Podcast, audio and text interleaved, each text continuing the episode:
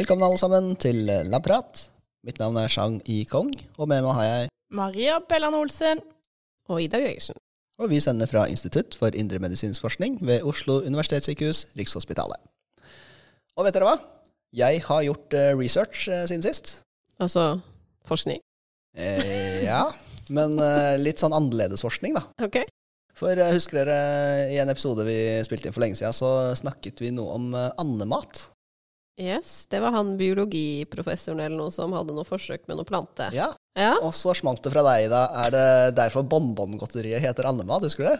jeg husker det. Ja, og det jeg har gjort, jeg har kjøpt eh, bonbongodteri. Andemat. Ok. Så nå kan vi se på disse bonbongodteriet, og så kan vi se om de har andemat på seg. Vil du ha noen? Ja, ja. Ja, her er det bilde av en, eh, en and som ser veldig mett ut. Ja. Og noe, det er noe bilde av noen planter, da, med noe strå, liksom. ja. Jeg vet ikke. Er det, er det den andematen du snakka om? Nei. Andemat ser ut som eh, trekløver som flyter på toppen av, eh, av en sånn vanndam. Så det, det er nok dessverre ikke bilde av andemat på andematposen. Jeg innbiller meg at den posen så annerledes ut før. Ja. Men uansett, dette er da, hvis Bonbon hører på, så kan de jo oppdatere sin andematpose til å inkludere. Faktisk andemat. Ja, det burde du jo da. ja. Veldig bra, veldig bra gjort, eh, Chang. Bra forskning. Ja. Tusen takk. Og så må vi bare legge til, vi har ikke sponsa Bonbon, nå har vi snakka om Bonbon i, i Men vi tar gjerne imot sponsorer. Vi tar gjerne imot. Særlig sånn godteriprodusenter. Ja. Så det, det er da research jeg har gjort eh, siden Ja. sist. Kommer kanskje ikke helt til bunns i det, da. på en måte. Nei, vi gjorde ikke det, altså. Nei. Hvorfor det heter andemat. Nei. Men eh, Ida, vi skal inn i eh, prosjektspalten vår. Yes. I forrige episode så eh, lanserte vi jo at vi har tenkt å ja, starte opp med en ny spalte, da. Som vi har kalt Prosjektspalten. Så i dag tenkte jeg kanskje at du, Jean, kunne starte med å introdusere litt. Ja, hvilke prosjekt er det vi skal ta for oss i Prosjektspalten? Ja, dette er jo et prosjekt som omhandler da et DNA-reparasjonsenzym. Og det er en hel pasientgruppe som eh, har ulike mutasjoner i dette genet. Og visse mutasjoner gir en økt risiko for å utvikle kreft i tarmen. Eh, Og faktisk så sjekket jeg at eh, det er så mange som 10% av den vestlige befolkningen er da bærer av minst én mutasjon i dette genet. Ok. Eh, Nå er det ikke sånn at alle disse mutasjonene fører til økt risiko for kreft, men noen av de gjør det. Mm. Og så er dette genet veldig godt konservert i evolusjonen. Og det betyr at organismer i hele det evolusjonære spekteret, altså fra bakterier til eh, dyr til planter, har en versjon av dette genet. Mm. Dette tyder da på at det er et svært, eh, svært viktig gen for overlevelse. For å komme til bunns i hvorfor dette genet er så viktig, så har vi da en musemodell Mhm. der vi har tatt bort dette genet fra dyrets eh, DNA. Så de produserer da ikke dette DNA-reparasjonsenzymet. Og så skulle man jo tro at eh, det ville ha en voldsom effekt på dyret. Men ganske overraskende, når vi har jobbet med dette en god stund da, Mm. eh, veldig overraskende så finner vi da ikke noe økt risiko for tarmkreft i denne musa, selv om vi da har fjernet dette DNA-reparasjonsenzymet. da. Nei. Eh, Men vi kan jo også si noe om hva vi gjør når vi vanligvis får en sånn ny musemodell. Vi følger dem jo over tid, under standard laboratorieforhold. Vi sjekker dem da jevnlig. Vi eh, registrerer da vekt, og vi veier organer og tester blodpanel osv. Mm. Eh, Og som sagt så fant vi jo ikke det vi kanskje forventet å finne, da, som var økt eh, tarmkreft. Men uh, heldigvis så fant vi noe, sånn at vi har noe å jobbe videre på. Det er jo bra. Ja, Så det vi har funnet, er at vi har en uh, liten økning i blodglukose, altså litt høyere blodsukkernivå i disse musene. Mm. Og spørsmålet er nå hva vi skal gjøre videre. Ikke sant. Spennende. Men eh, skal vi si litt kort også om hvorfor vi begynte å studere dette proteinet, eller? Ja, vi er jo generelt vært interessert i DNA-reparasjonsenzymer. Mm. Eh, Og som vi også sa, nevnte i forrige episode, så, eh, så gjør vi en del sånne screeninger av pasientmateriale. Mm. Og vi har jo deriblant funnet dette enzymet også til å være ulikt regulert mellom da friske og, og syke kontroller. Mm. Og så er det vel også ekstra interessant, som, som du sa, at det, var, det er jo veldig mange som har mutasjoner i det genet her. Mm. Og ikke alle gir kreft, men Eller ikke mutasjoner, men variasjoner, da. Mm. Og det, da er det jo veldig spennende å se hva, hva kan de andre variasjonene Mm. eh, gjøre, da. Absolutt. Ok, så til nå så er det da liksom noe som tyder på at det kanskje kan være noe med blodsukker hos disse her, da. Ja, det er i Ja. hvert fall det, det vi har funnet så langt. Mm. At de har en eh, svak økning i eh, sirkulerende da, blodsukker. Mm. Og da har vi jo diskutert litt Når vi får et sånt funn, så må vi diskutere OK, hva gjør vi videre? Mm. Og det har vi jo gjort. Ja. Og en ting vi tenker at vi må sjekke ut, for når du har målt det her, Sjang, så har du jo bare målt det på ett spesielt tidspunkt, eller på. Ja, stemmer.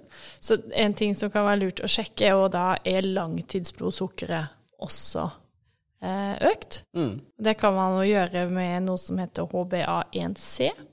Og da Det fungerer sånn fordi hvis du har økt glukose i blodet over lang tid, Mm. så vil jo noe av den Så kan noe av den glukosen, eller den vil, bli, binde seg til de røde blodcellene. Og den glukosen som er bundet til de røde blodcellene, den kan vi måle. Ja, for Mm. den vil eh, være fastbundet til eh, blodcellene eh, inntil blodcellene da eh, dør og blir fornyet. Mm. Og i mennesket så eh, tar det rundt 120 dager. Så man har da et større vindu til å måle da eh, langtidsglukose.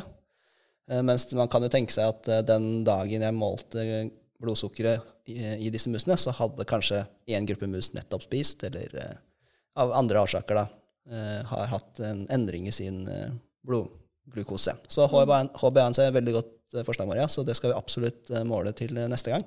Mm. Ja, og en annen ting er jo også eh, høyt blodsukker, da, hvis vi skal si det. Eller eventuelt høyt uh, langtidsblodsukker. Da, kan jo være en indikasjon på diabetes, eller Mm. at de tåler glukose, eller håndterer du glukosen dårligere. Så en annen ting man, man kunne gjort, er jo det vi kaller en OGTT, da. Ja, Der vi gir eh, musene glukose, og så ser vi liksom hvor raskt de tar det opp i vevene. Altså hvor godt insulinet deres fungerer, da. mm, absolutt. Mm. Det er også noe å ha i bakhodet. OGTT, oral glukosetest, er det ikke det? Toleransetest, ja. Ja, faen. fader. Den var jeg god på. Ja, men det, det blir spennende å følge prosjektet videre. Ja, så eh, til eh, neste gang vi møtes igjen om 14 dager, så skal vi da ha målt eh, HbA1c. Og så eh, får vi se hva vi finner for noe da. Veldig bra. Men da skal vi eh, inn på episodens eh, tema. For eh, dagens tema er egentlig noe vi har hintet eh, til i løpet av disse episodene vi har hatt.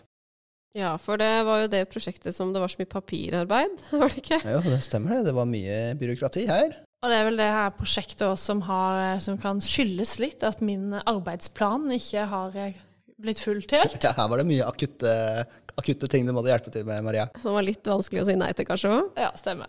Ja, for vi skal altså snakke om eh, Painfact, dette store EU-prosjektet vi har sammen med flere andre forskningsgrupper eh, rundt om i, Europa. Eh, og så er det sånn at hver forskningsgruppe har sin ekspertise som vi har tatt med oss inn i dette prosjektet. Og så er det da flere grupper som er satt sammen for å kunne fullføre dette prosjektet. Men Shang, kan ikke du da begynne å fortelle litt om det her byråkratiet ditt? For jeg synes, altså, det oppsummerer jo ganske godt eh, hvordan uforutsette og i grunnen sånn veldig enkle ting plutselig kan bli et kjempeproblem. Og nesten ta all tid og fokus. Ja, absolutt. Det kan du si. For eh, dette handler jo om eh, dyreforsøk som vi skulle gjøre da i dette prosjektet her. Eh, og det var da mus eh, som startet eh, sin reise i dette prosjektet i Barcelona. Der inngikk de i noen forsøk som ble gjort der. Og så reiste musene til Strasbourg i Frankrike, der de studerte hjernene deres ved hjelp av MR-skanning, som sikkert eh, mange har hørt om.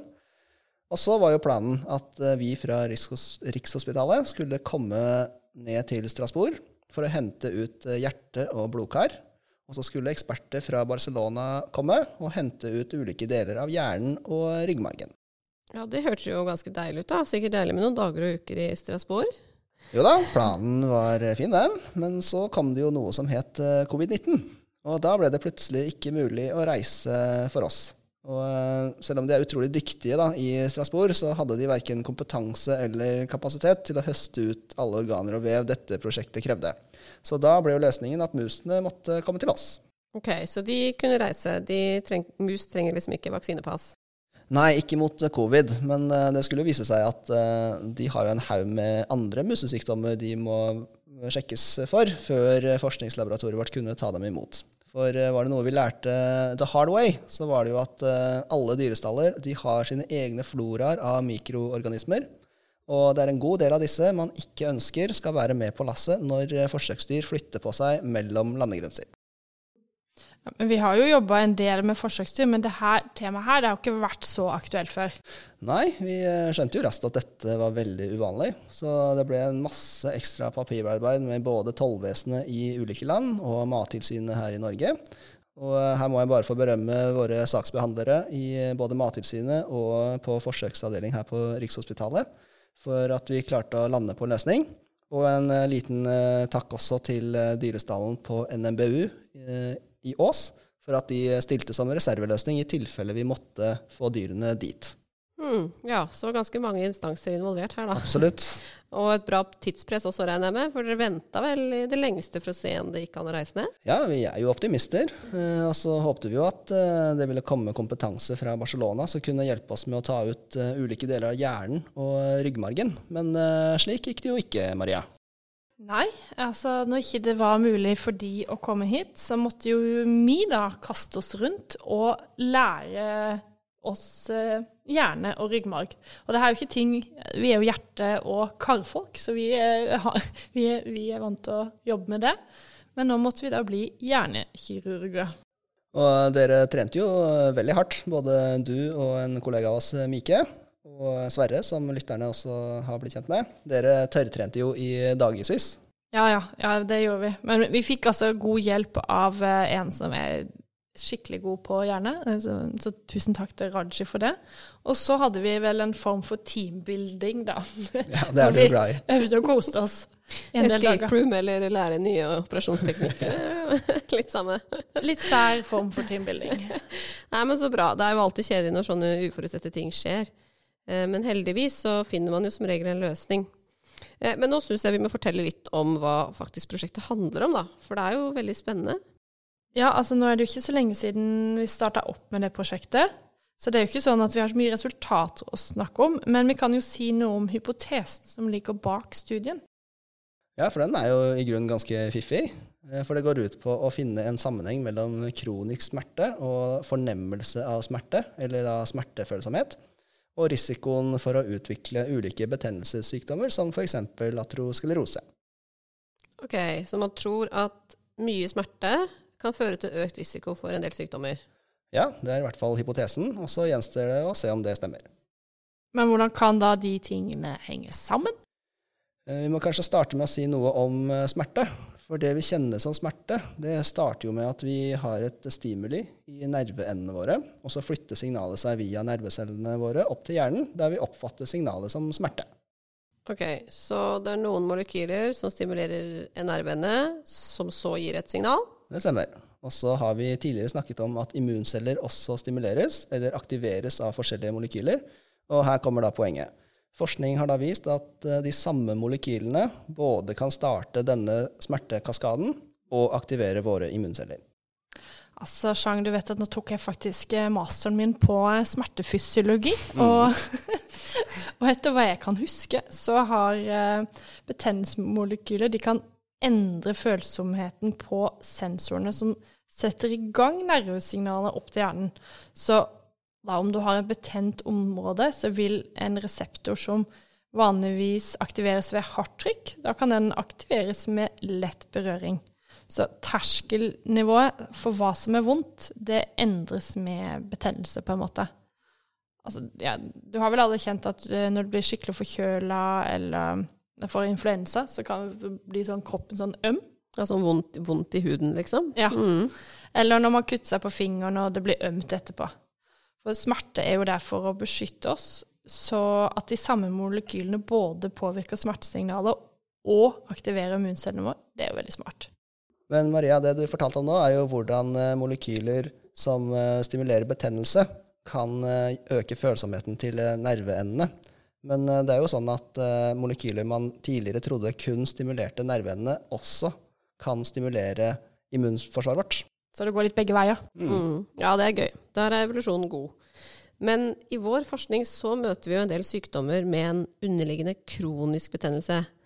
Eh, og så vet vi at en kronisk betennelse det gjør at immuncellene er litt på en måte på overtedding.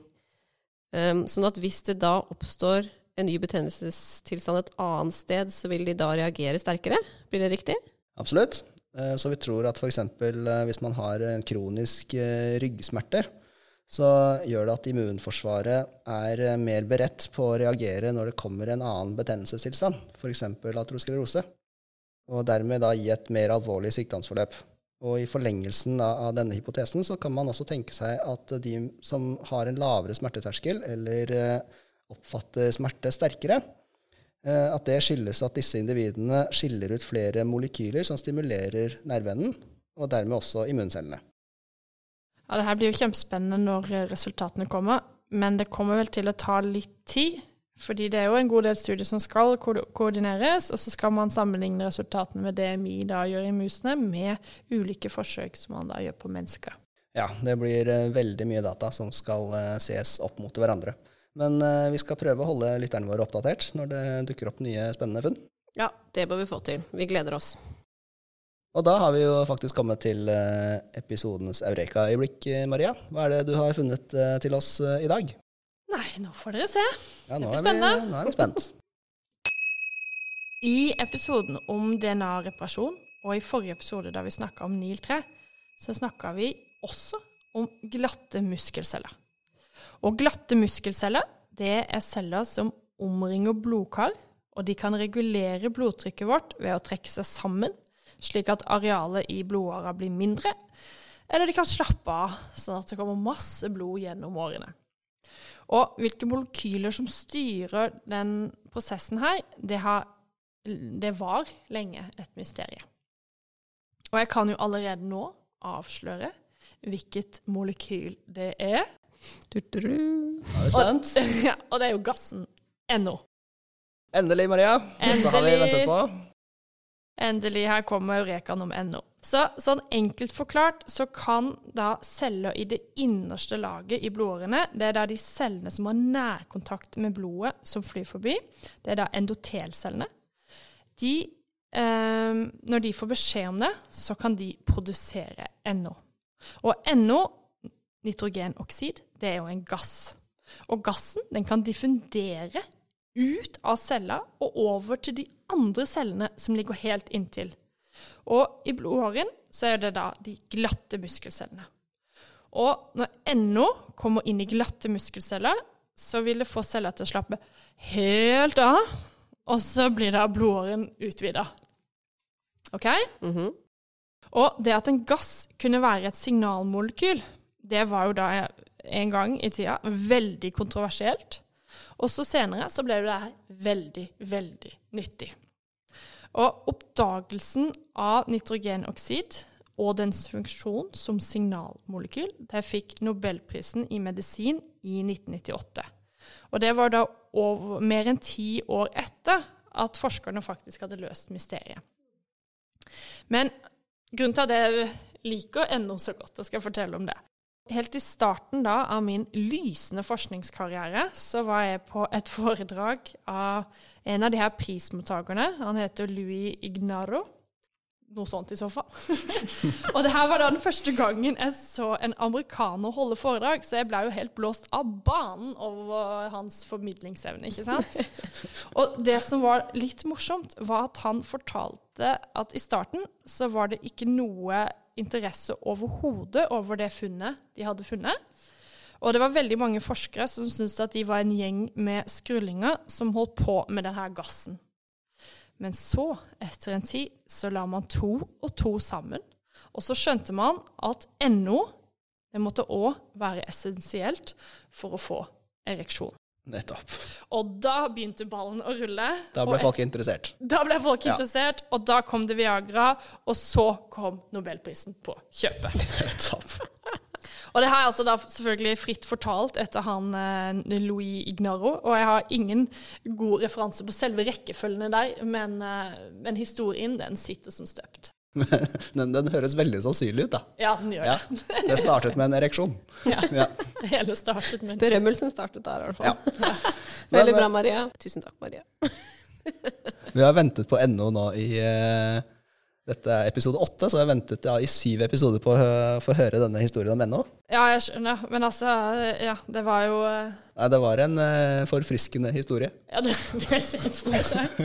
Ja, Men det skal sies at uh, jeg jobbet som portør for en, en gang for lenge siden her på Rikshospitalet. Og da husker jeg at uh, Hjerteposten de skulle ofte ha Viagra. Og da, Det er jo selvfølgelig noe med NO å gjøre, da. Selvfølgelig. Men eh, det Men du vet ikke hva de skulle bruke det til? Eh, nei. Vi, vi lurte jo på om de var litt amorøse på Hjerteposten. Men det var vel fordi de skulle ha NO. Var nok det. Ja, det var nok det. ja. NO er gøy. NO er gøy. Da kan vi legge den ballen død. Da kan vi legge NO-ballen død. Så kan du slutte å mase, Chang. Så skal Ja. jeg finne noe annet neste gang. Ja, ja, men det gleder vi oss til. Og med det så takker vi for oss eh, for denne gang. Vi skal vel på labben en tur. Og så høres vi igjen om eh, 14 dager. Det gjør vi. Ha det bra. Ha det.